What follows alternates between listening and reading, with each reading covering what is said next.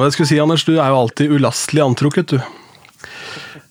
Jeg er blazermannen. Uh, nei, det er godt det blir alltid satt ut at du sier å, her sitter Anders med gul genser i gul stol, eller ulastelig antrukket, eller altså Men jeg kommer rett fra en livestream med EC Norge, hvor vi har gått gjennom uh, låtene, og hvor jeg på et eller annet tidspunkt følte meg nødt til å ta fram gullhatten. Fordi jeg skal lov til at jeg skal ha fram den når jeg liksom presenterer den jeg har mest tro på i årets startfelt. Og det var det tid for å gjøre i kveld. Men det kan jeg jo prate litt om litt seinere, hvorfor jeg tok med den gullhatten. Men uh, det, det, er litt derfor jeg har komme tilbake til, fordi eh, ja, det har jo vært eh, Jeg hadde jo gleden av å prøve å få gjort noen jobber i helgen, fordi andre var ramma av korona. Ja. Og så har jeg også da fått fullført et vanvittig stort prosjekt, som er da å rydde opp i hele musikkbasen min. Jeg hadde ja. altså på et tidspunkt jeg tror det var 17 eller 19 versjoner av Belinda Carlisles 'Heaven Is A Place On Earth'. Eh, og det var forskjellige dunka-dunka-greier her, og akapellaer inn og ut og gud veit hva. Eh, og man trenger jo kanskje to eller tre versjoner av den sangen i, i, beste fall. Så jeg har gått gjennom bokstav for bokstav, og dette var da, fikk jeg litt los på det. Og så gjorde jeg det natt til søndag. Jeg la meg vel ikke før i tredraget, tenker jeg. Uh, etter å ha sett Grand Prix, selvfølgelig, og begynte med dette her. og da satt jeg da i denne stolen, sånn litt sånn henslengt og jobba på laptopen min. Så våkna jeg opp så var jeg veldig øm i skulderen, så tenkte jeg ja faen, nå er jeg blitt øm i skulderen her. Men så ble jeg også øm da plutselig i leggen, eh, og rundt kneet og sånn, så da var det litt andre ting som begynte å spille inn. Eh, og det er altså så lenge siden jeg har kjent på den følelsen eh, av å være febersyk, sånn at du har vondt i leddene. Det har jeg ikke opplevd på flere år, for det har jo ikke vært dårlig for det har vært så mye antibac og kjør. Så Det var en veldig rar følelse. Jeg hadde glemt hvor irriterende det var. Men nå er jeg altså jeg er, eh, Om ikke jeg var positiv før, så er jeg i hvert fall positiv nå. du har rett og slett omikron, du. Det har jeg. Jeg har fått besøk av onkel Omi. Gratulerer. ja, ja.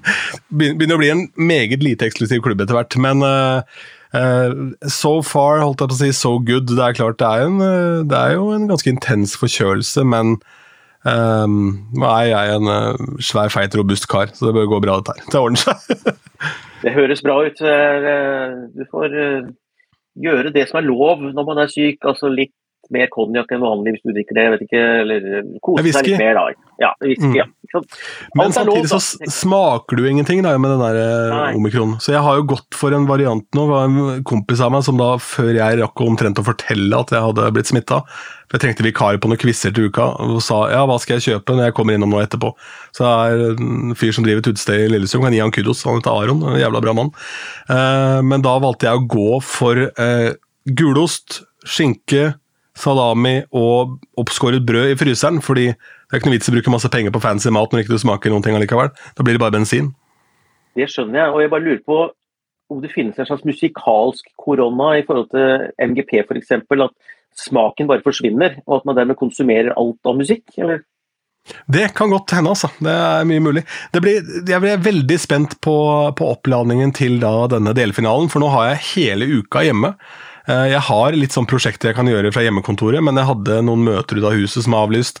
En del sånne ting som da faller litt i fisk her. Og så er det andre som jeg skulle samarbeide med, som da også da plutselig har alle barna sine hjemme fordi det er smitte i barnehagen. Så eh, det blir mye tid til å nihøre på låtene denne uka her. Jeg håper at artistene greier å holde seg unna smitte, da. For det er jo bare Det virker snart som det er bare de som er med i Grand Prix som ikke er smitta. Ja, det er faktisk et godt poeng. Eh, for de har vel ikke hatt noe i rekkene blant artistene, men det har vært i produksjonen. Det var jo Annika. Annika ble sjuk, og det så jeg faktisk på henne. Hun var med i starten, oppå den der eh, kjolen med sånn skjerm. Hun så ikke helt sånn superpigg ut, så det var nok lurt at hun holdt senga. Så, men samtidig så skal jeg, det har ingenting med Annika å gjøre. Men jeg må ærlig innrømme at jeg syns programlederopplegget fungerte veldig mye bedre i tospann enn med tre. Ja, jeg er helt enig med deg. En eh, mindre som skal dele på ordet, og en mindre liksom å bygge personligheten rundt. Da. Så det er, hva skal du med tre programledere når det er fire låter som kan presenteres, og duellavstemning? Det er ikke så mye å holde styr på. Så det gikk helt fint. Men uh, hun er flink, hun altså, for all del. Men det var, gikk fint med to år. Ja, for det hadde jo vært uh, like bra hvis det var en av de andre som hadde vært uh, eh, smitta. Altså, det har jo ingenting med Annika å gjøre. Uh, men jeg bare kjente på det at det ble litt mer avslappa, litt mer hva skal jeg si, litt mer balanse i det, kanskje. Hører du, Stig? Neste år! Jeg tror én kunne greie det òg, ja. Ja, det er jo for så vidt sant, men samtidig så er det da et eller annet med det at det er veldig deilig å ha noen å lene seg på, da. Hvis det, ja, det så det er et eller annet skulle skje teknisk eller et eller annet eh, fjas, da. Så Det får være, det får være som det er. Mm. Skal vi se om jeg klarer å finne mine notater her fra helgen. Um, ja, ikke sant. Det er alltid gøy. Det er alltid gøy, for jeg har um, gått gjennom Jeg så dette her 100% live nå. Forrige, gang, så, eller forrige delfinale så lå jeg da fem minutter bak. Ja. Uh, eller sju minutter bak. Uh, mens nå fikk jeg sett alt fra starten av. Og åpna jo med Lille Løv. da, Det var friskt. Jeg var ikke klar over at dette var aller første gang denne jenta sto på scenen. Det var jo litt gøy. Det er litt gøy. Uh, og så er jeg litt usikker på om MGP skal være den arenaen hvor du på en måte debuterer. for jeg har vel et ønske om at MGP skal være noe litt annet enn Idol og The Voice og alt dette her. Eh, og gjerne ukjente, men aldri uerfarne, eh, har jeg vel egentlig et lite ønske om. Også for artisten sin skyld, ikke sant? fordi du skal representere Norge kanskje, og det finnes mange nettdebatter rundt der. Og hvis du liksom ikke leverer på vegne av nasjonen eller Norge, og, eh, og du har på en måte tatt plassen fra kanskje 1200 andre innsendte låter, da. Så det er mye å bære på skuldrene dine. Og når du da aldri har gjort det før, så er jeg litt usikker på om du skal slippe folk ut på den scenen der første gang, altså. Og så må vi heller ikke glemme at det er jo noen som rett og slett er jævlig. Det er jo folk som troller og holder på.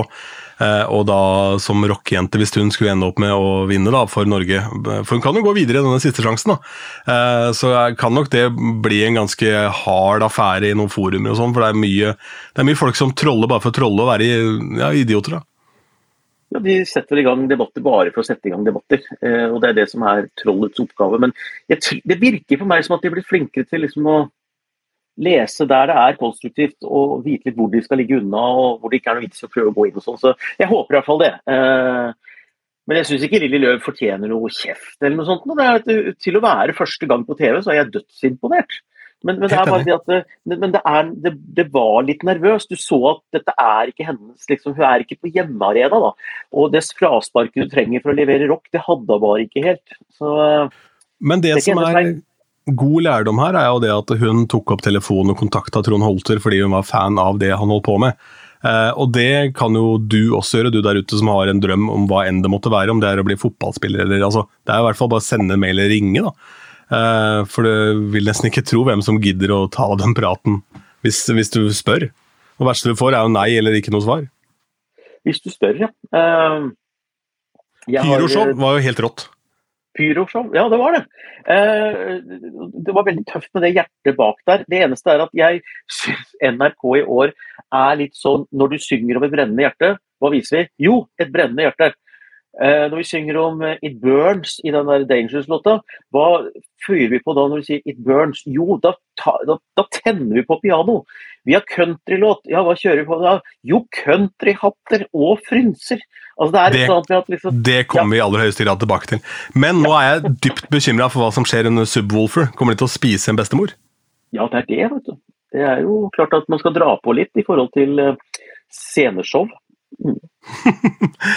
Men uh, Steffen ja, var jo neste ut. Uh, var vel, Traff vel ikke alle tonene alltid, dessverre. Men uh, Og jeg må ærlig innrømme at er vi, er vi ikke ferdig med like kostymer, da? Altså, hallo!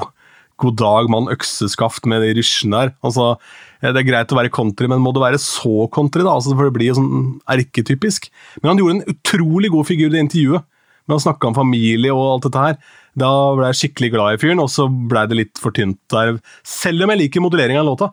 Den, eh, den siste der syns jeg sitter bra. Liksom, da, hadde det vært en, eh, en låt som uh, hadde vært gjort av en av disse store hattepopmakerne borte i USA, så kunne det fort blitt en sånn allsanggreie på svære konsertarenaer. Ja. Nei, jeg, låta er fin, den, men jeg er helt enig med deg. Det, det blir på en måte sånn vi ser jo at det er country. Vi hører, jeg mener, jeg mener, vi hører at det er country. Du trenger liksom ikke å dose på også visuelt. Pluss vi står der da med like klær, og han ble litt mørk i ansiktet, ble borte og sånt. Og så kom han jo skeivt ut fra hoppkanten der ved at uh, han står og skal liksom late som han plystrer, og så ser du at det er feik, fordi at han går så raskt fra plystring til sang at du ser at det er spilt inn. Og det gjør ingenting at den plystringen er spilt inn. Så tenk om han bare hadde stått der og vært kul bort, bort mot den bakgrunnen der, istedenfor å late som han plystrer. Og da har du allerede fått fokuset bort på noe annet enn låta, for alle så det var jo tett på munnen hans. ikke sant? Så, og så eh syns jeg heller ikke at det scenegrepet ved at man har alle musikerne på reisere, eh, det blir veldig rart. Eh, selv om han er jo en svær type, og sånn, så det er greit det, men eh, gitarist på hver side på reisere som er attpåtil er lyssatt Nei, det var litt pussig, men det var jo deilig. Hva er en riser? Du, du, du, du snakker litt internt ja. her nå. Ja, nei, det er, det er jo trommepodier, da. Alle er på podier. Kalles en riser på tekniske språket, da. Tøft. Ja, Hvor mange raisere trenger vi, og der er hvor mye plass har du på bakscena? For du må ha plass til alle reiserne da du skal flytte rundt på ting. ikke sant? På festivaler og sånn. Men jeg må ærlig innrømme at det var jo en fantastisk gjeng han hadde med seg fra Grimstad her. Og det er et eller annet deilig når du på en måte blir engasjert på Kav Sørlending. Da blir du så engasjert, og da stiller du i gulldress og blå sokker. så det er eh, heller det. Mm. Neste låta. Neste låt det var jo da i, i, du, i duell, da. Det var en P1-duell, føler jeg, i denne her eh, finalen. Det var en P1-duell, og så var det en P3-duell. Og, eh, og, det var jo da Lilly Løv som møtte Stefan, som vi har vært innom. disse to, Det var P1-duellen. Og så gikk vi over til P3-duellen, som starta med Farida eh, fra Hunndalen. Eh, min hjembygd. Og Vardal ungdomsskole der satt jo familien. I det klasserommet har jeg sittet og lært matte av læreren min, eh, Sverre Vikmoen. Og det liksom å få se liksom live fra Vardal ungdomsskole i Grand Prix, det var helt surrealistisk. Eh, låta til Farida har jeg likt. Jeg syns jo Dangerous-låta er eh, har en sånn dybde og et ganske spennende melodisk bilde som hun evna å få fram ganske brukbart, syns jeg. Uh, og jeg er ikke så opptatt av klær, men jeg, jeg stussa faktisk bitte litt på den der dressen. For den så liksom så, så, så ut som Altså, jeg er en liten fyr, jeg er 1,60 som legge opp bukser. Altså, hele livet er jo lagt opp bukser. Jeg er mister legge opp. Og, og, hvis det er stygt gjort, så, så ser det så bolkete ut nederst. Jeg har gått med mye bolkete bukser i barndommen min, så det har jeg litt sånn traumatisk forhold til. Og jeg syns at det var lagt opp litt bolkete, rett og slett. Jeg jobba ja. sammen med en sportskommentator som heter Ole Jørgen, og han sendte meg hver eneste Maskorama-sending første sesongen. Så sendte han et bilde av denne dressen til hun der programlederen, som han hata som pesten. Eh, og så fikk jeg nå, for han så ikke på Melodi Grand Prix, så jeg fikk sendt bilde av denne dressen. Han syntes ikke den var tida ti heller. Eh, men samtidig, også, det ble jo litt sånn derre uh, The Riddler, litt sånn uh, Batman-skurk over det. Og så var det jo Det gikk jo igjen også på T-skjorta, så det var kanskje litt mye. Eh, men eh, Ja, hun var en kul dame, da. Men eh, apropos nervøsitet, jeg syns også hun klamra seg fast i mikrofonstativet der ganske heftig en periode. Før hun slapp seg løs. Men jeg var sikker på at det skulle ryke frem da hun bomma på den tonen. Mm. For da tenkte jeg at ok, nei, men det, dette her kan vi ikke sende av gårde, liksom, da sender vi hele Steffen, så blir vi ferdig med det. på en måte. Jeg var også litt fascinert av det øyeblikket der, og jeg var litt sånn åh, Du vet at i gamle dager så var jeg på Sirkus Arnardo, eller Sirkus Merano. Og det er jo ikke moro å se på sirkus hvis aldri noensinne ramler ned fra trapesen, eller eh, en sjonglør som bommer, eller et eller annet slikt. Så Det er noe med sånn her, Dette var i hvert fall live, og det er helt tydelig at det ikke mimer. fordi når du glemmer den tonen, at du bare hører en svak sånn støttevokalkorist i bakgrunnen, så, så, er det så menneskelig at jeg tror folk liksom bare tilga det eh, veldig kjapt. Eh, så det syns jeg faktisk ikke gjorde så veldig mye. Jeg personlig jeg var samme frykten som deg og tenkte at dette nå ryker hun liksom, men hun gjorde ikke det. da, Og heldigvis, for jeg syns hun hadde mer i finalen å gjøre enn Steffen. Det må jeg innrømme. Men uh, det er et eller annet med at jeg lever jo av å holde foredrag. Kjempebusiness for tida, ting er jo stengt ned. Men, og, men da står jeg jo foran publikum. Og da får jeg energi fra publikum fordi det er nerve i lokalet. Dette vet du sikkert også når du spiller for folk, så er det nerve i lokalet. Men med en gang jeg skal holde et digitalt foredrag, litt sånn som jeg sitter og prater sånn nå, men med kamera, så blir det ikke nerve lenger, for jeg har ikke publikum å få nerve fra. Det blir bare nervøst. Fordi at jeg får ikke den gode energien fra publikum. Jeg står helt alene i møte med dette monsteret som er dette kameraet. Og det syns jeg Nå syns jeg det var veldig tydelig på den delfinalen at det ikke var publikum der. Så da ble det ikke nerve i programmet, det ble bare litt sånn tamt, men det ble nervøst. Så du fikk dessverre denne gangen litt det verste fra to verdener. Men det er ikke NRKs feil, men det er eh, Jeg savna publikum, for nå har blitt vant til Stjernekamp, full pupp med publikum. Maskorama, full pupp med publikum. Og så kommer MGP som liksom skal toppe gransekaka. og så faller det som en pannekake fordi det er det første underholdningsprogrammet siden sommeren uten publikum. Ja, og Det hadde jo også da sikkert også heva Lille Løv sin opptreden betraktelig. for det er klart Når du får en eh, respons fra publikum, og hadde Steffen hatt han der i gulldressen og blå sokker i publikum der, så hadde det jo kokt bra over når han eh, så hvor happy han var med dette her òg. Så ja, jeg er helt enig. Og det er jo mange artister som eh, det er jo ikke alle som er som, jeg husker ikke hva hun het, men hun den første delfinalen som hadde gjort utrolig mye jobber, og stå på scenen på båter og alt mulig rart. Ja, Elina. Elina, ja. Det er jo ikke alle som har den erfaringa, men som samtidig da på en måte kanskje er klassiske, dyktige sangere, men som må venne seg til dette her grepet her. da. Men jeg liker den låta. Det var jo den første låta jeg pekte ut som en av mine favoritter, og det, det er noe båndsk ved den. Uh, og, sånn, og, jeg er litt glad i det mørke òg, at ikke alt uh, bare skal være happy go lucky, liksom. Mm. Jeg er enig, men med tanke på finalen, da, for det er det vi skal liksom gire opp til. Vi skal huske at dette er delfinaler. Alt trenger ikke til å være perfekt nå, bare det blir en bra finale 19.2. De fleste har jo det gammeldagse forholdet til Grand Prix, at Grand Prix er én kveld i år, og det er finalen. Så det, uh, Nå er det liksom litt sånn oppvarming. Og, og da tenker jeg at de kan fint liksom rette opp i ting. Men det jeg skulle fram til, det er at balansen er at det er litt mye sånn ballader nå, for det er mange forhåndskvalifiserte ballader. Og nå gikk det en ballade videre også, så jeg er litt redd for at både Farida og Elsie Bay uh, kanskje slå hverandre litt i hjel. Jeg er litt redd for det. De legger vel fort av veien for Subwoolfer, tenker jeg. Men det, ja, det kommer vi tilbake til litt senere. Men la oss ta sistemann her òg, for her var det jo det, det, jeg, bare sier det, det var en dårlig låt, altså. Uh, mye nødrim. og Jeg intervjua rapperen Vinn en gang. Han sa du kan ikke gå gjennom hele livet og rime hatt på katt, men det går tydeligvis det òg. Det er ikke noe problem. Nei, jeg eh, syns han, eh, jeg synes han løfta låta så langt det gikk. Jeg litt, likte starten. Jeg likte liksom måten han kom inn på scenen på. Ganske kult med laserlyset. og tenkte nå kommer det en helt annen type rytme. Men så skjedde liksom ikke noe mer enn den rytmen. Altså, det var det luska og gikk. Men det er en låt jeg, jeg, jeg, liker liksom å høre i bilen eller på radioen eller sånt, fordi den står liksom der og er ganske behagelig og fin, men på scenen så er det vanskelig å få den få noe driv, da, for det skjer jo så lite i selve låta. og når Scenenummeret er bra, altså det var tøft. Det er ikke så mange norske ja.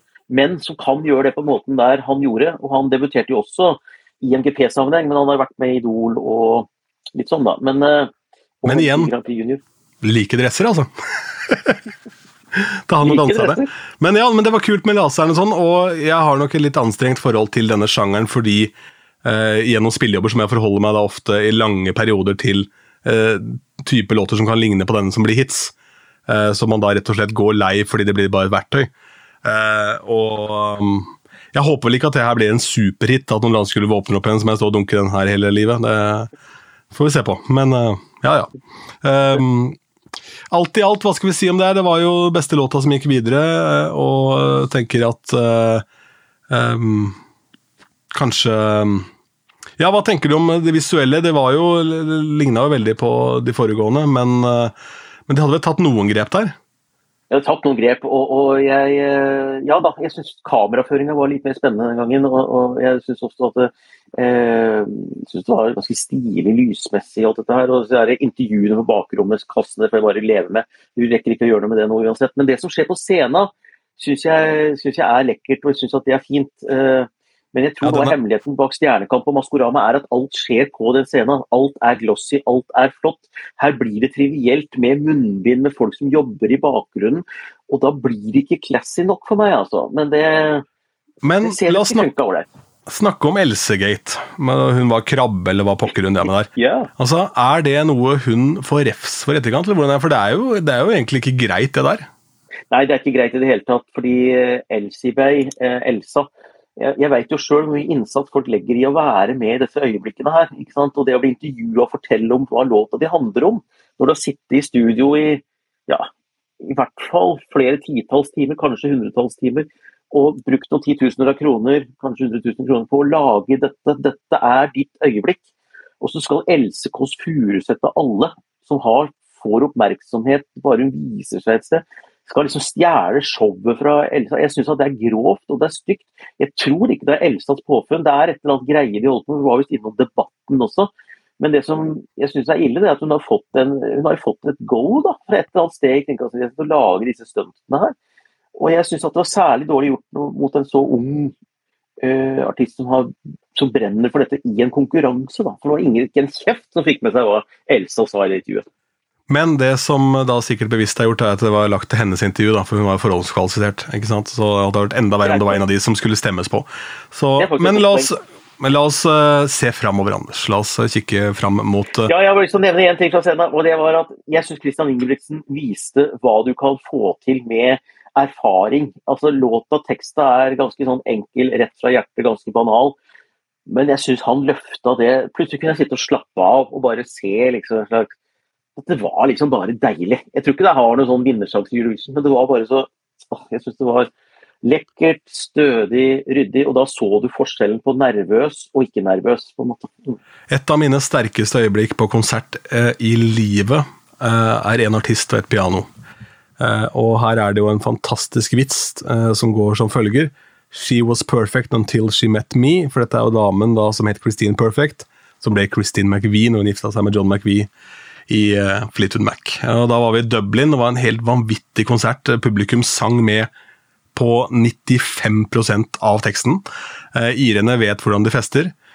Og så har kanskje 40% av salen forlatt lokalet. Så går det på én spot, og så kommer Christy McVie, setter seg ned ved pianoet og spiller Songbird. Uh, og at jeg hadde en øl som skulle drikkes opp i det lokalet da. Det er så glad jeg aldri vært hele mitt liv, for det var en sang de ikke spilte så ofte. Men det er eh, altså et eller annet med den magien når du har fått laser og alt mulig rart. så er det et eller annet med den magien. Én mann, flygel, kjør. Og så ja, stryker det selvfølgelig, men altså likevel den eh, majestiteten bak det er ganske massiv, altså. Og det er en veldig fin låt, men det er jo klart, lydbildet er jo ikke moderne, som du har vært inne på før. Den er jo, den er jo altså, Det ble helt feil ord, men jeg kommer ikke på noe bedre, men den er jo siderumpa i lydbildet. Ja. men flott låt er det jo, eh, uten tvil. Kall det klassisk eller tidløst, da. Det er et annet ord for siderumpa. nei, men, nei da, men, men, men jeg, jeg, eh, Ja, men siderumpa er greit. For av og til så har jeg ikke lyst til å gå med trange bukser. Noen vil jeg ha litt sånn siræv og ha det bare behagelig. Joggebukse er bra av og til. Har det vært eh, noen eksempler opp igjennom på låter som da blir en sånn blant svisker, som plutselig da presser seg inn på hitlistene, som er noe helt annet enn alt annet som ligger der, og det er jo alltid gøy. Så, og jeg tenker uansett for Christians del, så er det jo Dette er jo en seier, for han er vel den Han har vel hatt med låter som de siste tre åra, har han ikke det? Forhåndskvalifisert hver gang. Og han eh, eh, På iTunes så var det faktisk den låta som lå øverst av Grand Prix-låtene, da. Mm. Ja, gøy.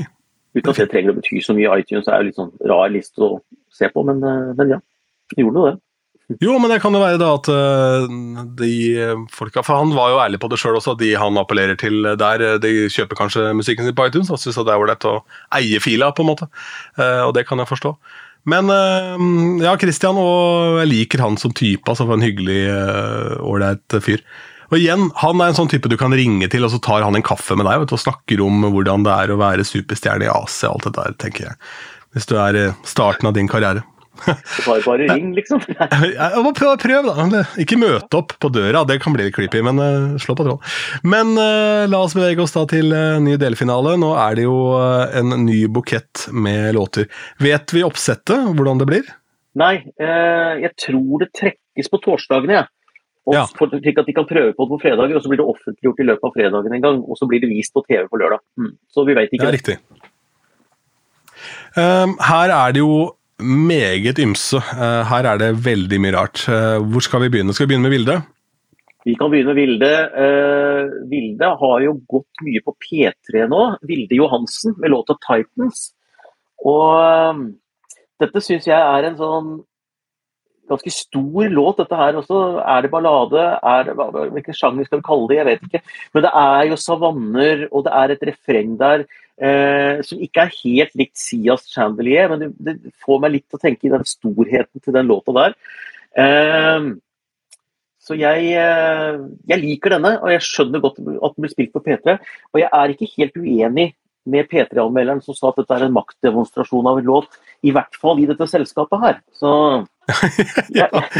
jeg har tro på den. Mm. For, ja, for her er det jo da Det er også et grep jeg liker veldig godt, det er de der kontrastene.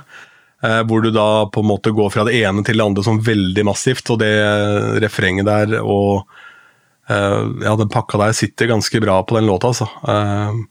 Og ja, det, blir spennende å se. Gleder meg til å se den live. Ja, jeg er enig. Og, men det er litt vellykket utgave av det de forsøkte seg med uh, Icebreaker med Agnete også, hvor altså, du var det stor kontrast mellom vers og refreng, men, men, der ble på en måte refrenget det seigeste, så det var litt uvant for folk. Men kontrasten her syns jeg er tydeligere og mer lettfattelig. Da. Og så syns jeg det er et ålreit budskap. altså Vilde, Vi har intervjua henne i ESK Norge, og budskapet hennes da om at uh, det er slitsomt både for jenter og menn selvfølgelig, å gå rundt og være redd. Uh, når du går på gata f.eks. og ikke tørre å bevege deg rundt fordi du er redd for noen. Og hvor tungt det kan være. Men at man ønsker å bare bli en titan. da. Uh, jeg vet ikke helt hva en titan er, men det er tydeligvis en sånn tøff figur. Og Jahn Teigen salig Jahn Teigen skrev en låt med, for Populace som heter 'Dark Nights'. Da bodde Jahn Teigen oppe i Seilduksgata i Oslo på Grünerløkka. Spilte da ofte nede på Rondo nede på Akershusstranda der, og gikk hjem. Så det den sangen handler om, å gå rundt i Oslos gater og være litt redd. Og det skrev altså Jahn Teigen som mange brukte som skremsel. Foreldre brukte jo nå skal du gå og legge deg, eller kommer Jahn Teigen og tar deg. For han hadde jo skjegg og rynker og hår og så ikke ut. Og folk liksom trua med Jahn Teigen for at barn skulle gå og legge seg. Men han gikk rundt og var redd i Oslos gater og skrev en sang om det. og det har jeg alltid beundra han litt for å gå inn i det tøffe bandet Populace og synge om at han er redd for å gå rundt i Oslos gater. Det syns jeg er litt tøft. Og Det er litt det Titans også handler om. Det er tøft å vise seg sårbar med en såpass tøff låt. Det er jo idet du blottlegger deg litt. Jeg nevnte Sia i stad, hun også har gjort det med klasse. Og det samme har jo Billie Eilish gjort. Eh, vår egen Sigrid har jo vært der. og eh, og Astrid, og det er jo litt i vinden, det også på en måte da å snakke om disse litt såre tingene, men kanskje gjøre det på en litt mer sånn finesse-måte. At ikke det blir for, for meg så blir det for mye når Tix gjør Fallen Angel. Da, ikke sant? Det blir, sånn, uh, det blir så veldig sånn in your face. Men at det kan være dryss av det, syns jeg er fint. For noen av de beste låtene uh, Vi er jo begge fans av Roxy Music og Apropos skummel, In Every Dream, Home Heartache. Altså, det fins jo ikke en skumlere låt i livet, men det er liksom uh, når du får disse ja, altså disse følelsene og de grepene tenker jeg at eh, ja, det blir spennende å se. Men eh, det er jo den annen bukett der vi må forholde oss til. Da. Og det er jo da f.eks. Hammer of Tour. Ja. Eh, nå, jo, nå, trykker vi på masse knapper her, for vi driver jo med norrøn mytologi, og det er jo i vinden i form av Marvel-universet og hei og hå. Men uh, hjelper det med denne låta her, da, tro? Ja, si det. Vet du noe om denne artisten? Altså hun, uh, hva heter hun igjen? Oda Gondrosen. Uh, hun kom vel på tredjeplass, tror jeg, i Idol 2020 eller noe sånt. Og fikk ganske mange fans der, for hun, hun går for å være veldig god til å formidle live. Hun fikk jo stående applaus etter en litt sånn countryaktig fortelling i Idol. Tix løper rundt der og var helt ellevill og sa at dette! Dette rører folket! Ikke sant? Så du hører liksom Tix løpe rundt der med solbrillene sine. Eh, og det tror jeg han har rett i. Eh, men når det kommer til låta her, så har jo jeg siden det er podkast, så jeg en bitte liten hemmelighet der. Da, for jeg leverte også inn en låt til årets MGP, og den kom ganske langt opp. Jeg var i et studio og fikk spilt den inn. Eh, og ja, du som artist? Jeg, ikke som artist, men som låtskriver. Var med og skrev låta. Så jeg sendte den til Oda Gondrosen og spurte om hun ville synge den, og det ville hun. Men hun nevnte at hun hadde en låt som hun var med også og hadde skrevet selv. Så det sto mellom den og den andre.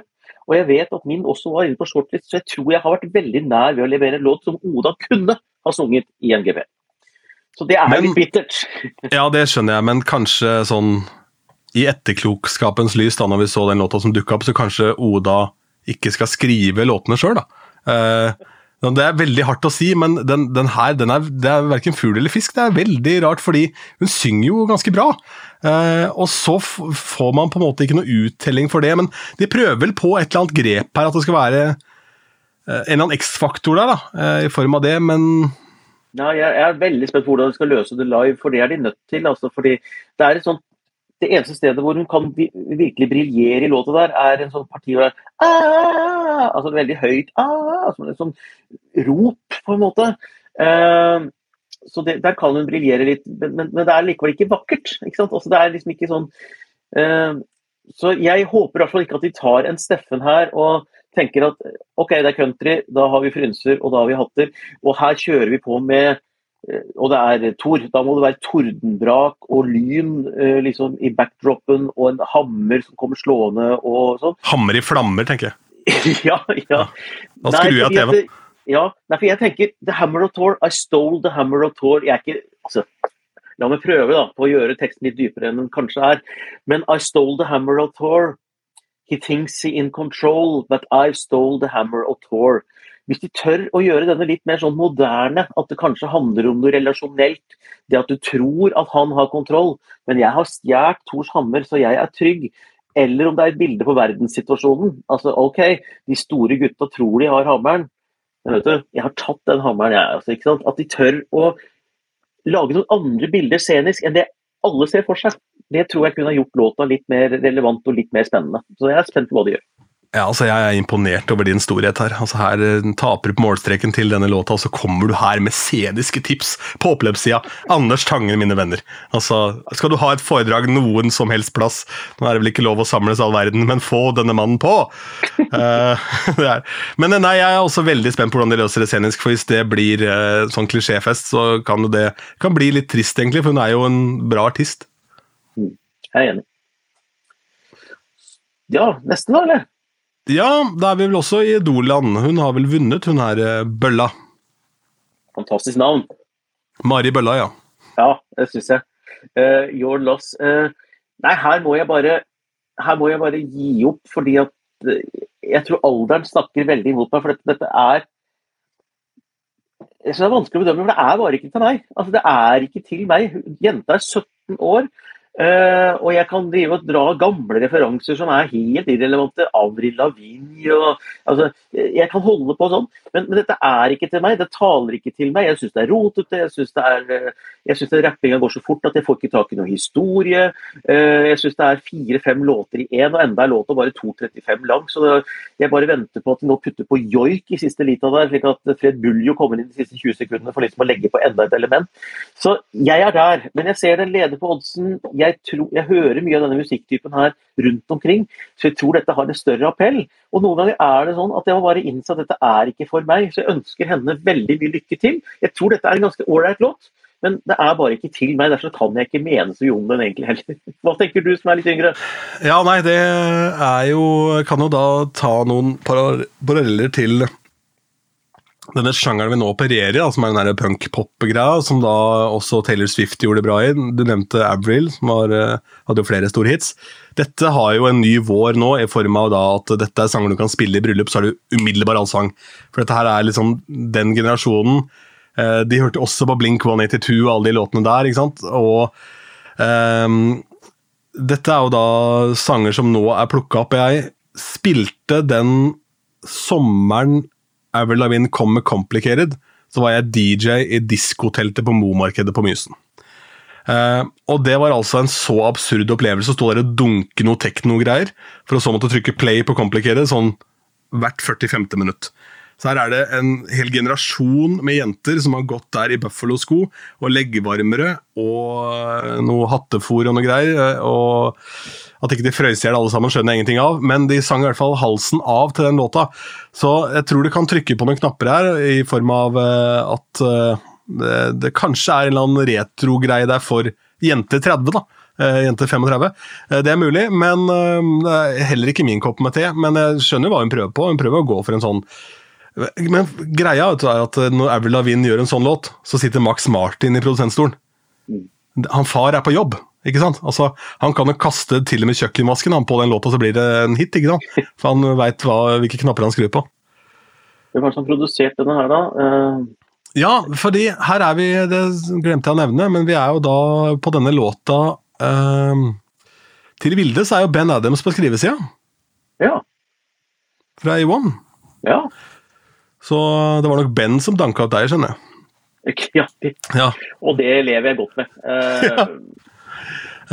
Men nei, hvem som har skrevet og produsert denne, er jeg litt usikker på, altså. Ja, nei, men ja, det er ikke så farlig. Men jeg var vel litt nysgjerrig. fordi det er jo de er jo ofte på sånne låtskrivercamper, og der skriver de låter sammen. Det er ofte samme teamet ikke sant, som jobber med flere låter i samme studio. og sånn. Men uh, ja, nei uh, den, den, den, høres for meg litt uferdig ut. Det er et eller annet med at uh, vi hadde en melodi det I stole the hammer of tour. Og så, ja, men det er en kul melodilinje, vi bare gjentar den, liksom. Og så Ja. Syns jeg. Sa han bittert. Ja, men nå er vi vel eh, Snakker vi ikke om Mari Bølla nå? Unnskyld! Unnskyld, ja. Mari Bølla. Mari Bølla. Ja, eh, nettopp. Your loss, your loss. Ja. Men det er jo også, det er også, i, eh, også i tiden å gjenta refrenget til det blir grønn i trynet. Altså, eh, det er jo Hvis du hører hele Spotify Topp 100, så er det jo egentlig hook, hook, hook, hook, hook, hook, hook, hook, hook. Eh, men la oss bevege oss videre til det norske bidraget. Han eh, nevnte vel da i presentasjonen at han hadde et ønske om å fremme det trønderske språk eh, i popmusikk, og det er jo har jo en av de største musikalske arvene vi har i landet, er jo fra Trøndelag. Med, med trønderrocken og Åge i spissen, selvfølgelig. Men så har det vært veldig stille. Han, Askild Holm lagde en veldig fin uh, plate på norsk for noen år siden, med et par helt fantastiske låter. Men sånn popmessig så har det vel ikke vært uh, Nå er Astrid S er vel fra Trøndelag, men hun synger på engelsk. Um, så ja, det blir spennende å se hvordan det blir tatt imot. Det er jo, nå er jo ikke Rosenborg så suverene lenger heller, så kanskje hun kan stemme på trønder, selv om du heier på Vålerenga. Jeg vet ikke. ja, det, ja, og så er jeg litt spent på den overlappinga mellom fotball og MGP. Den er faktisk til stede. Veldig mange mange som liker tall og resultater, enten det er fotball eller Grand Prix. så Det er ganske overraskende store overlappinger mellom fotball og Grand Prix-publikum. Så kanskje det, er, kanskje det, er, det eh, som du sier, at man ikke stemmer på trønderrock fordi man heier på Brann. Kanskje det er mye rare resultater som uh, skal forklares på den måten der. Det er så store fenomener begge to at du må forholde deg til det. Apropos fotball, for øvrig, så jeg har drevet og laget meg en ny logo eh, nå de siste dagene. Så har jeg sendt det rundt til noen folk. Og Da har jeg satt opp R-en og B-en sånn, på en eller annen måte på toppen, og så står det Ronny Bergersen og greier. Og så sier han ene fyren ligner litt på New Balance, eller? Og så så jeg at de gjorde det, og så kom jeg på at de er draktsponsor for Liverpool. Nå er ikke jeg noen fotballfan, men jeg bare orker ikke å forholde meg til at folk tenker at jeg har snappa det fra draktsponsoren til en fotballklubb, for da blir det Uff, så da ble de kassert, så måtte jeg finne på noe nytt. Men eh, ja, hva tenker du om denne låta til, eh, til Sturla? Vet du hva, jeg, jeg syns den var veldig anonym første gang jeg hørte den. Og, og, og jeg syns delvis det fortsatt. Men så er jeg eh, så gammel og på hjemmekontor at jeg satt og hørte på Nitimen i dag. Og i Nitimen, gode gamle Nitimen, så er disse her Grand Prix-artistene gjester. Og i dag var Stula gjest, da. Og det var så mange ting som tikka inn at jeg likte han veldig godt som fyr. Uh, Stula Fagerli Larsen har skrevet låta sjøl. Han jobber på smelteverk oppe i Trøndelag. Treskift tolv timer i sånn skinndress, 60 grader inne der. Det er han som gjør at vi kan gå på bar og ta oss en øl og sånt. Og han skaper verdier. Han er en arbeidskar, går på jobb.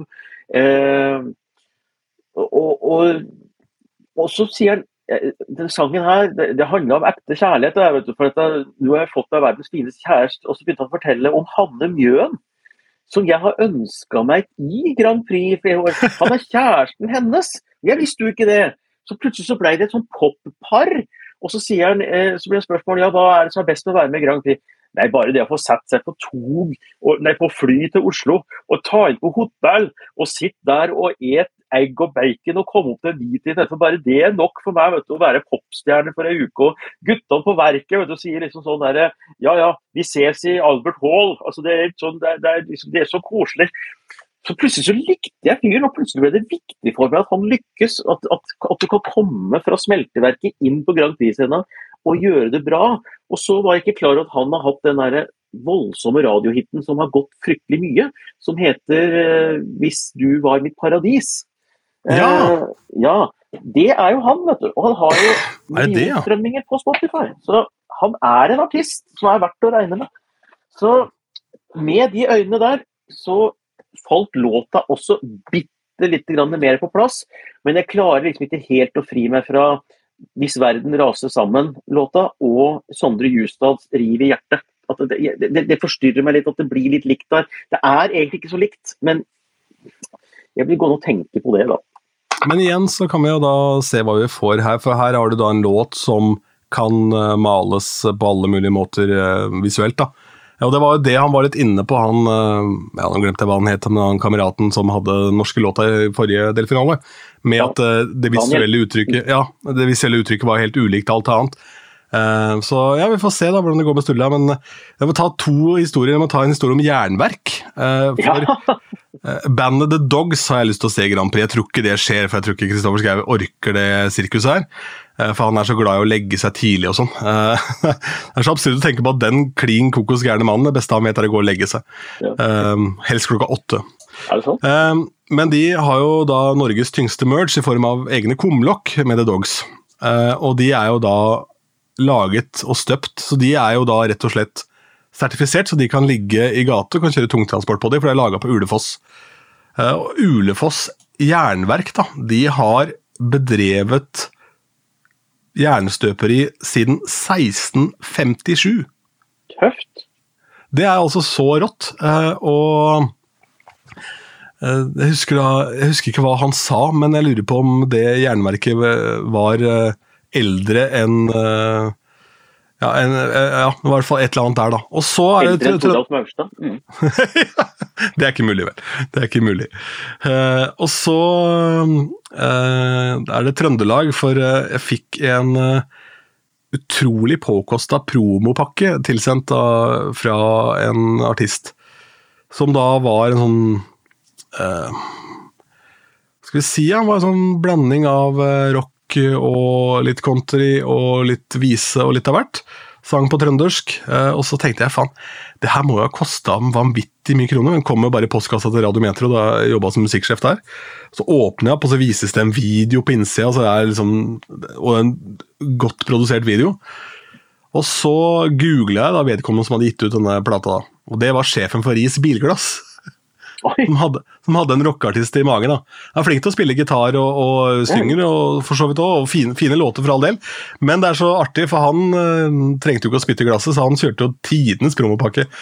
Uh, så det var jo veldig gøy, da. Men, Fantastisk gøy. Ja, det er, det er, gøy når det kommer folk helt utenifra. Uh, nå viser at Stula gjorde ikke det, men det er tøft, da, enten du kommer fra Ris bilglass eller smelteverket. Og så er det jo, Jeg må også si det at jeg har jobba, hatt gleden av å jobbe med mannen, myten, legenden Unge Aleksandersen, som er, uh, altså, hadde flere i dette landet sett på verden som Åge ser på verden, så hadde, da hadde vi vært flaue over hvor gode vi er. Fordi uh, jeg har betalt han mangfoldig 100 000 kroner for konsert, og han behandler meg nøyaktig likt som de gutta som skjauer rundt på scenen. Så han er, nei, det er pur klasse, og det er jo deilig at det er egg og bacon på det hotellrommet og togturen. Som er midt i, i covid-helvete, så er togturen høydepunktet. Ja, det var fordi, jeg, jeg, sa tog, det var fordi, altså. Men, eh, men samme det. Reise, ikke sant. Altså Bare komme seg ned dit. Og egg og bacon var i hvert fall høydepunktet. Mm. Deilig. Men så kommer da det jeg tror blir høydepunktet nå. For her kan jo absolutt alt skje. Uh, Subwoolfer og et uh, vi har jo ikke sett et apparat på denne måten uh, som backer en artist som da ikke er kjent, noen gang før. Det var et kjempeapparat bak Tix i fjor, selvfølgelig. Godt hjulpet av han selv. Men det her er massive greier, og det er veldig spent. For jeg husker vi begge to satt her og kommenterte at vi uh, syntes det var litt teit, og sånn, og så sitter han. Uh, og jeg hadde en to timer lang samtale med en fyr som heter Vikram Rai, en fyr fra Stavanger. Eh, og Han kalles for DJ Prince, og han er, han er da det man kaller eh, en goat, greatest of all time, når det kommer til harmonisk miksing. Han fant opp det programmet som nå er eh, bibelen for hvordan du mikser i key, som det heter. Uh, og Det er en nordmann som har gjort. da. Uh, han valgte å ikke hoppe på det toget, så det som heter Mixed in Key, uh, det solgte han. Men han hadde en BMW I8, så jeg tror det går bra med han likevel. Men vi hadde altså en to timer lang samtale, og den samtalen slutta med at han for første gang i livet hørte Subwoolfer. Og dette er en fyr som har spilt på nattklubber med 8000-10 000 mennesker og har vært nummer tre på Billboards dance-list, og han liksom har hørt mye. og han Uh, syntes den var jævlig catchy, men han hata den fløytelyden. For det han sa det de skulle gjort, var å heller ha en sånn haunting obo. Som lå i at det ble uh, Istedenfor at du fikk den derre fordi uh, bridgen er silly, og alt blir liksom litt silly med den fløyta. Så, men det ble jo veldig teknisk, da. Men det var ja, jeg, må, jeg må høre dette, for jeg, jeg, jeg, klarer ikke å høre at det er noe fløyte der, eller noe sånt. Men det, det, ja, det, det, det, du tenker på som det der, Du kan kanskje tenke på som det saksriffet, eller et eller annet. Okay. Men det blir, sånn veldig, ja, det blir veldig lyst oppå der. Men ja. uh, nei, den, den, har vokst skikkelig på meg, den låta. Altså, jeg, sånn, altså, nå er, går jo spekulasjonen, mange snakker om at det er Ylvis. Hva tenker du om den teorien? Nei, eh, det kan jo hende jeg vet det. Eh, men, men, jeg er gjerne med og spekulerer. Eh, og jeg kan spekulere. Det er ikke sikkert jeg vet det, men jeg, det er gøy å være litt sånn mystisk på det. Nei, men vet du, det er, jo, det er jo litt å legge sammen to og to her. At hvis du skulle komme denne låta her til Universal og vært helt fullstendig ukjent, ville du da fått med Universal på denne pakka? Det er et godt spørsmål folk skal stille seg. ikke sant? Altså, Hvilken pondus må du ha med deg inn i dette? Og hvor mange folk trenger du til å svare på absolutt alt av reaction-videoer rundt omkring i hele Europa, og sitte og svare i kommentarfelter? Eh, altså, og hva skal til for at du får de ressursene rundt deg, tenker jeg. Det, det er noen sånne leads der som gjør at eh, eh Jeg tror ikke vi skal tenke oss at det er folk som har gjort uh, greier før, da. Det. Ja, absolutt. Men det er jo mye spekulasjon om Gaute Ormåsen, og det høres veldig ut som han har jo en naturlig autotune innebygd. for... Ja, det er det. Han er den eneste som har en naturlig autotune. Så det er ikke noe problem å få folk til å høres ut som Gaute Ormåsen. Det kan være et sånt et feilspor, kanskje, men uh... Men hvis det er Gaute, så er jo det fryktelig morsomt, for han er jo ikke Altså, Gaute er en kjempefin fyr, men jeg ser ikke han for meg som en sånn derre subwoolfer, hvis du skjønner. Altså Som tuller og leker og er liksom så gærent. Spørsmål. Kan Gaute stå i bakkant? Så kan det være f.eks. produsenten som er en av de ja, Er det mulig? Jeg, jeg tror det er Altså Jeg tror det er innafor reglene. altså Bare det er livesang, så tror jeg ikke det er en regel for at vokalisten må være veldig synlig. Altså, jeg, det kan jeg ikke nok om, men uh, teoretisk så tror jeg det. Mm. Ja, fordi det, i så fall så er jo det et genialt grep. Tror du det er, det er mye spekulasjoner i Europa på at det blir en sånn her uh, reveal, altså at de avslører hvem de er? Um, og kupper hele greia fordi de er superkjendiser, da. Ikke sant? Uh, ja, ja. Tror du det vil skje, eller hva, hva, tror du de bygger opp til her? Ja, si det. Uh, nei, altså Vi er litt sånn, vi er litt sånn Du har prata med disse gutta! Du har jo sittet ja. og snakka med ja, de for ja, ja vi, det var gøy. Vi hadde livestream på SN Norge med Subwoolfers på uh, søndag kveld. Og da måtte vi delta via en talsperson. Fordi, fordi, fordi Subwoolfers de var akkurat nå i bane rundt månen fordi det var så mye virus her nede, så de ville ikke bli syke før MGP. Så uh, de hadde da en talsperson som de bare hadde rekvirert etter et stort krasj med romskipet på en vei oppe i Romsdal, eller hvor det var.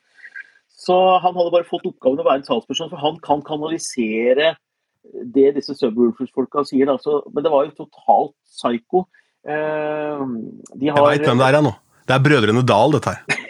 det er Brødrene Dal, faktisk. Ja. Rett og slett. Det er Knut Lystad. ja, ja. Men ja, nei, ja, for, ja det, det, var bare tull og fjas? Det da bare fyrte opp ja, under da, det, det, det, er jo bare å leke og spille med. ikke sant? Jeg har aldri intervjua folk i en annen galakse før, så det var stort, det. altså. nei, men Det er også gjennomført. ikke sant? Altså, de stiller da de stiller da med en sånn talsperson som vi ikke riktig vet Jeg sender jo bare en link til noen, ikke sant? og så får de linken, og så er de på, og så sitter det en talsperson der som er anonym. Da, og, ja, nei, det er, eh, det er jo å bygge opp mystikk rundt seg, da. Eh, så nei, jeg syns det er dyktig gjort. Og, men om det kommer til å bli en reveal, det, om de kommer til å avsløre seg, jeg, jeg, jeg veit ikke. Altså, Lordi vant jo i 2006. Eh, Hardrock-bandet fra Finland med Hard Rock Halleluja. Sto der med maske. Og de hadde et avslappa forhold til at dette er våre karakterer, men da de gikk på fest, så tok de jo av seg maskene. Så, men ingen visste at det var Lordi. Da sto det bare sånn skilt som Morten Thomassen har fortalt om, som er Grand Prix-president. Eh, de gikk bare med sånn skilt hvor det sto 'Performer Finland'. Aha, så du er med i Lordi? Ja, jeg er med i Lordi. Og så var det ferdig med det, egentlig. Min map prøver på at vi må snakke litt om Finland etterpå, men vi er ikke helt ferdig med Subwoolfer. Fordi Nei. jeg hadde da en, eh, en, eh, kveld her hvor jeg endte opp med å scrolle gjennom Twitter. Eh, og hashtaggen Subwoolfer, og der dukka det opp da litt av hvert. Det er jo f.eks. sånn at de to første som de fulgte på Instagram, var Rein Alexander og Ylvis. og det kan jo da være en cover-up, selvfølgelig, for å da skape splitt og hersk, for det er jo åpenbart proffe folk i kulissene her. Men det her, eh, når du kunne da legge en dypere mening til Hammer of Tour, så skal jeg nå, eh, ved hjelp av tweeten til eh, J. Rinnan6, legge en dypere mening til Give That Wolf a Banana. Bring it to me. Denne sangen handler om covid. Eh, for her er det da at Wolf er jo da coviden, altså rett og slett ulven her. Uh, og så er det da Keith og Jim, det er jo de forskjellige variantene av covid som dukker opp. Hvis det blir enda en variant for øvrig, så blir jo den hetende Pie, og det vil jo alle ha, så det er jo greit. Hvis de følger Og så er det jo sånn at covid er jo mest skummelt for de eldre, altså bestemor. og du må jo stoppe den fordi, før den tar bestemor, og da må du ha vaksine, og det er da banan. Det er en fascinerende teori. Den er, den er, ikke helt ny for meg, faktisk. fordi Viviblogg, som er den store Eurovision-bloggen, de har faktisk en stor artikkel også om at uh, dette kan handle om covid. Så det er morsomt at, at det sprer seg sånne tolkninger. Jeg, jeg tenker, er det, Hvor er nettrollen når du trenger dem? Dette er jo sånn skapt for å lage litt sånn der hets mot Senterpartiet og regjering og sånn. for det, det, er litt sånn uh, Gi ulven en banan eller et eller annet før den spiser bestemora vår her ute på landet. ikke sant? For dette, det er ulven kommer til å ta alle. Så kanskje det, er, kanskje det ligger noe grunnlag for noe by-land-krangel på nettet også. Jeg vet ikke. Det er, det er morsomt et... at det kan tolkes, det, for det, det, kan faktisk tolkes. ikke sant? Det er jo et eller annet med det at Når du da havner i regjering som du har drømt om, så koker det ganske greit. altså må du kanskje forholde deg til det som skjer i den regjeringa, istedenfor å gnåle om ulv og by og land. Det er jo kanskje det som er greia. Eh, men eh, vi må prate litt om Finland, for vi gir oss, fordi eh, de har jo da offentliggjort noen låter. Og der dukket det opp et band som heter The Rasmus. Um, ja, jeg har hørt og, 20 sekunder av den låta. Mm.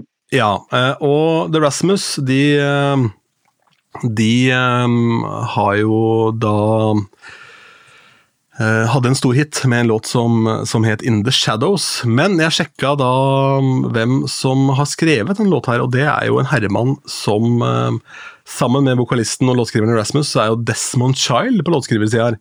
Og i Grand Prix-sammenheng så har han gjort denne låta til Bonnie Tyler, som vel eh, var eh, litt begrensa appell hos de aller fleste, men jeg tror kanskje også at artisten var noe passé der. Men dette her er jo en fyr som har vanvittig take på hooks. Altså, Han har skrevet 'Living on a Prayer', han har skrevet 'You Give Love a Bad Name', han har skrevet uh, 'Living La Vida Loca', han har skrevet 'Maria', um, og, eller om det var 'The Cup of Life', og han har skrevet 'Poison', blant annet. da. Så dette her er jo en hitmaskin fra helvete uh, som Oi. er involvert i den låta. Tøft. Og jeg likte den, og jeg tenker også at det bandet det kan trykke på mye nostalgiknapper. For jeg begynte sånn uh, for alvor i radio da det var en stor hit, og den gikk uh, annenhver time. altså. Ja, den er en liten sånn kulturell hvit flekk på kartet for meg, uh, The Rasmus, så jeg kjenner ikke godt til det. Men det var veldig spennende det du fortalte der. altså. Uh, men jeg hørte disse 20 sekundene, og jeg likte det bare fordi det var en snippet, ikke fordi jeg slo av eller sånt noe. Men det likte jeg veldig veldig godt. Det er et lydbilde. Jeg ser det står rockeband, men jeg fikk litt sånn elektronika-vibber her også. At det, ganske, at det, var mer luftig enn det jeg ofte forbinder med rock. da. Ja, Moderne rockeband uh, i 2022 har jo ofte litt sånn i bånn, kan du si.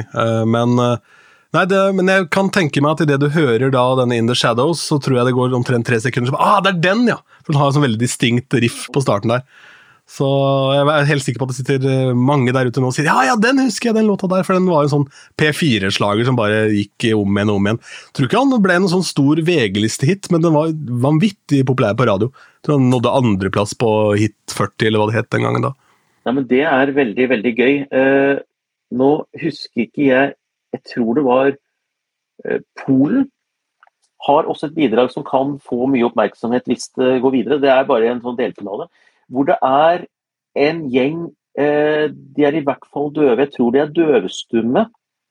Som altså egentlig bare gjør låta eh, på med tegnspråk og, og, og tegndans. Og låta er egentlig 1,20 lang, eller noe sånt, og det er egentlig bare en bit. Eh, fordi de kan jo åpenbart yes. ikke synge, men det, må, men det, må, jo være vokal for at den skal være med i Eurovision. Altså, ja, det er krav om det?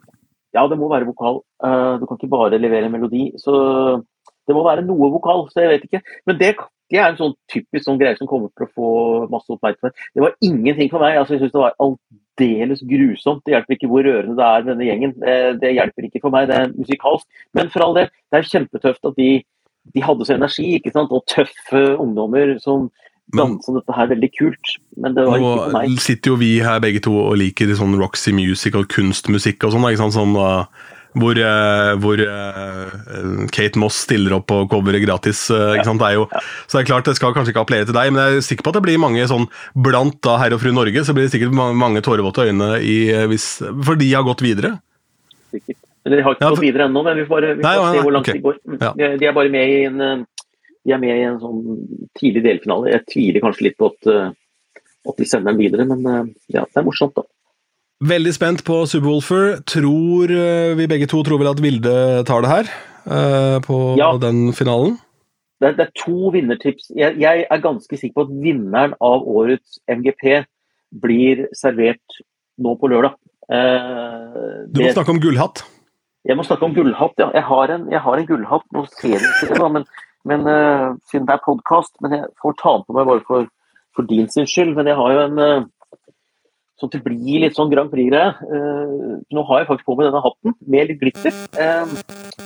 og den har jeg bestemt, den skal jeg ta på meg når, jeg, når det er vinner-alert. ikke sant? Og jeg tror at Jeg tror, og mener at det vil være det riktige også, at Subwoolfer kommer til å vinne årets MGP basert på studioversjon. Og jeg tror det er det beste beste sjansen vi har, til å gjøre ja. det bra. Ja. Og Norge trenger kan... det, og verden trenger det. Og det, er, det, er, så gøy! Jeg vil at vi skal sende noen som har det moro med dette her. Altså. Det, så send Subwoolfers, uansett om det er Falsk Mathisen eller eh, Morten Beyer-Olsen eller hvem dette her er. Eh, det er ikke så farlig. Eh, låta er kul. Mm. Ja, veldig, veldig gøy. Og jeg liker, eh, jeg liker produksjonen. Jeg synes, Selv om det er eh, veldig sånn banalt og cheesy, så er det også forseggjort på et vis. Eh, og det står også respekt til at du dundrer til med en sånn voldsom, massiv backstory som du står så hardt i, at du har skjult låtskrivere, og at du sender talspersoner for å snakke med Anders Stang. det er, og jeg Fikk jo helt, jeg fikk jo helt gåsehud av et sånt moment i går. for Jeg så for meg, jeg bare hørte låta på anlegget oppe her og med full bass og sånt noe. Og bare det å se for seg denne her i Eurovision, hvor det kanskje er en 10 20 eller 30 000, jeg vet ikke hvor mange det er plass til i arenaen der, og håper det er publikum. Å se den låta der begynne helt sånn enkelt med den gitarriffet i starten der, og den sangen.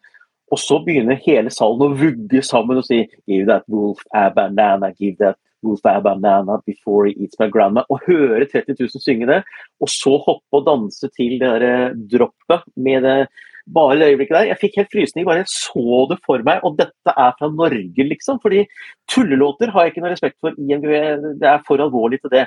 Dette er ingen tullelåt, det er en veldig bra Nei, låt, men de har et tullete image rundt. Jeg tenkte også at det var tullelåt da jeg på en måte hørte den første gangen, fordi kostymene var så som så, det var liksom så over the top. da. Men samtidig så er det, skal du lage karikatur av ulven, så må du over det topp. Du må kjøre masse tenner og dumme, gule greiene og den backstoryen og alt mulig, men det vokser etter hvert når det står så hardt i det og eier det så mye. Eh, og en ting til som Vikram da DJ Prince sa, det var, eh, var at den starten har en sånn Ed Sheeran-vibe. Um, og Bad Habits, Ed Sheeran-vibe. Og det er klart at det er jo en av de største hitene fra i fjor. Så det er litt sånn lydbildemessig så trykker de kanskje på flere knapper, selv om det er vel andre ting der som eh, kan, kan fremstå som litt tullete. Men uh, de har jo også det derre breaket. Uh, uh, den der ja. greia der. Ja, og den også er litt artig, for det her er uten tvil uh, kidsas favoritt. Det blir litt sånn som. Jeg var kjæreste med en jente som hadde en datter på ni år da Freddy Kalas var med. Ja. Og da hadde vi, så vi på Hadde ikke spillejobb den dagen, det var veldig pussig å ikke ha spillejobb på en lørdag. Men da var jeg hjemme sammen med de og satt og koste oss og så på Melodi Grand Prix, og da hadde vi sånne stemmeskjemaer og gjorde det litt ordentlig. da. Ja, og Det var ikke noen tvil om hvem Sara ga alle poengene til, det var Freddy Kalas. ja, ja, ja. Nei, men det, det, det, er En annen genial ting med disse litt enkle maskene, på en måte, det er at de er grafiske mer enn at de er naturalistiske. altså Det skal ikke ligne på en ulv, men det er en grafisk tegning. Og jeg har eh, ofte sagt at en nøkkelfaktor i MGP kan være at eh, unga skal lett kunne kle deg ut som den artisten som er der, fordi det er tydelig image, en tydelig greie. Og enhver unge kan egentlig lage denne maska på barnehagen til, denne, til den Grand Prix på fredag for foreldrene. Så det er bare å ta på seg gul strømpebukse, klippe noen ører og den der litt sånn enkle grafiske formen. Og det at den er så enkel å øra, så går den igjen i logoen også.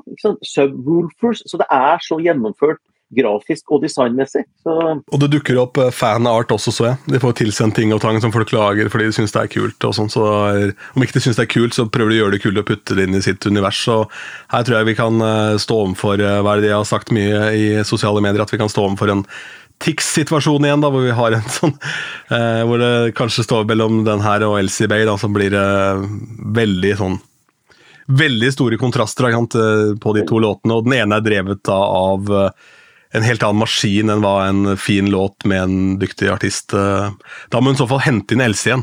At hun må kjøre noe krabbeshow og noe greier. Så vi får bare se.